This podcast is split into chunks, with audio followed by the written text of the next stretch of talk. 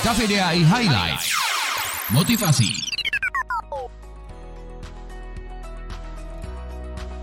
Sobat KVDAI, manusia dilahirkan dengan beberapa emosi.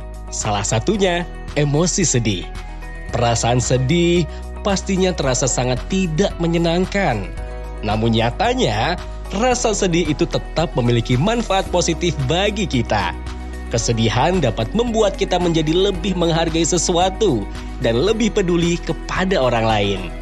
Untuk kamu, ada beberapa hal yang dapat kita lakukan untuk mengendalikan kesedihan agar tidak larut terlalu dalam.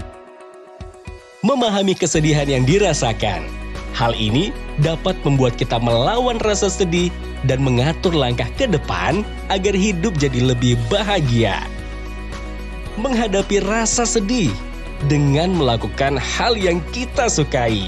Ingat bahwa kesedihan yang sedang kita alami akan berlalu dan pikirkan bahwa ada hikmah di balik setiap kesedihan itu. Ungkapkan saja kesedihan itu. Cobalah untuk berbagi cerita dengan orang dekat yang kita percaya. Orang-orang yang peduli dengan kita tidak hanya akan mendengarkan atau mencoba memahami apa yang dirasakan tapi mereka juga akan menghibur dan mengalihkan pikiran kita dari kesedihan yang kita alami.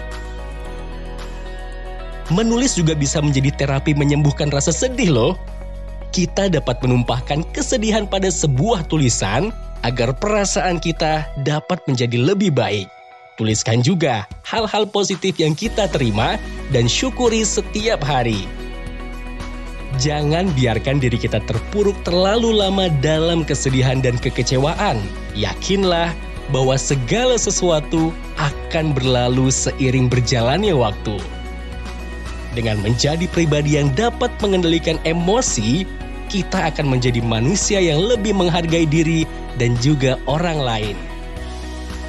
Ayo bangkit dan izinkan diri kita untuk bahagia.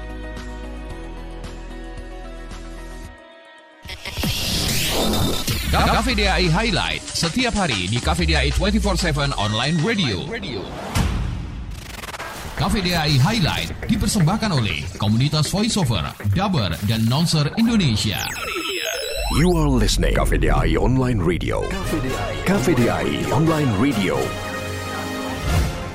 KVDI One Voice, One Family. KVDI Online Radio. One voice, one family.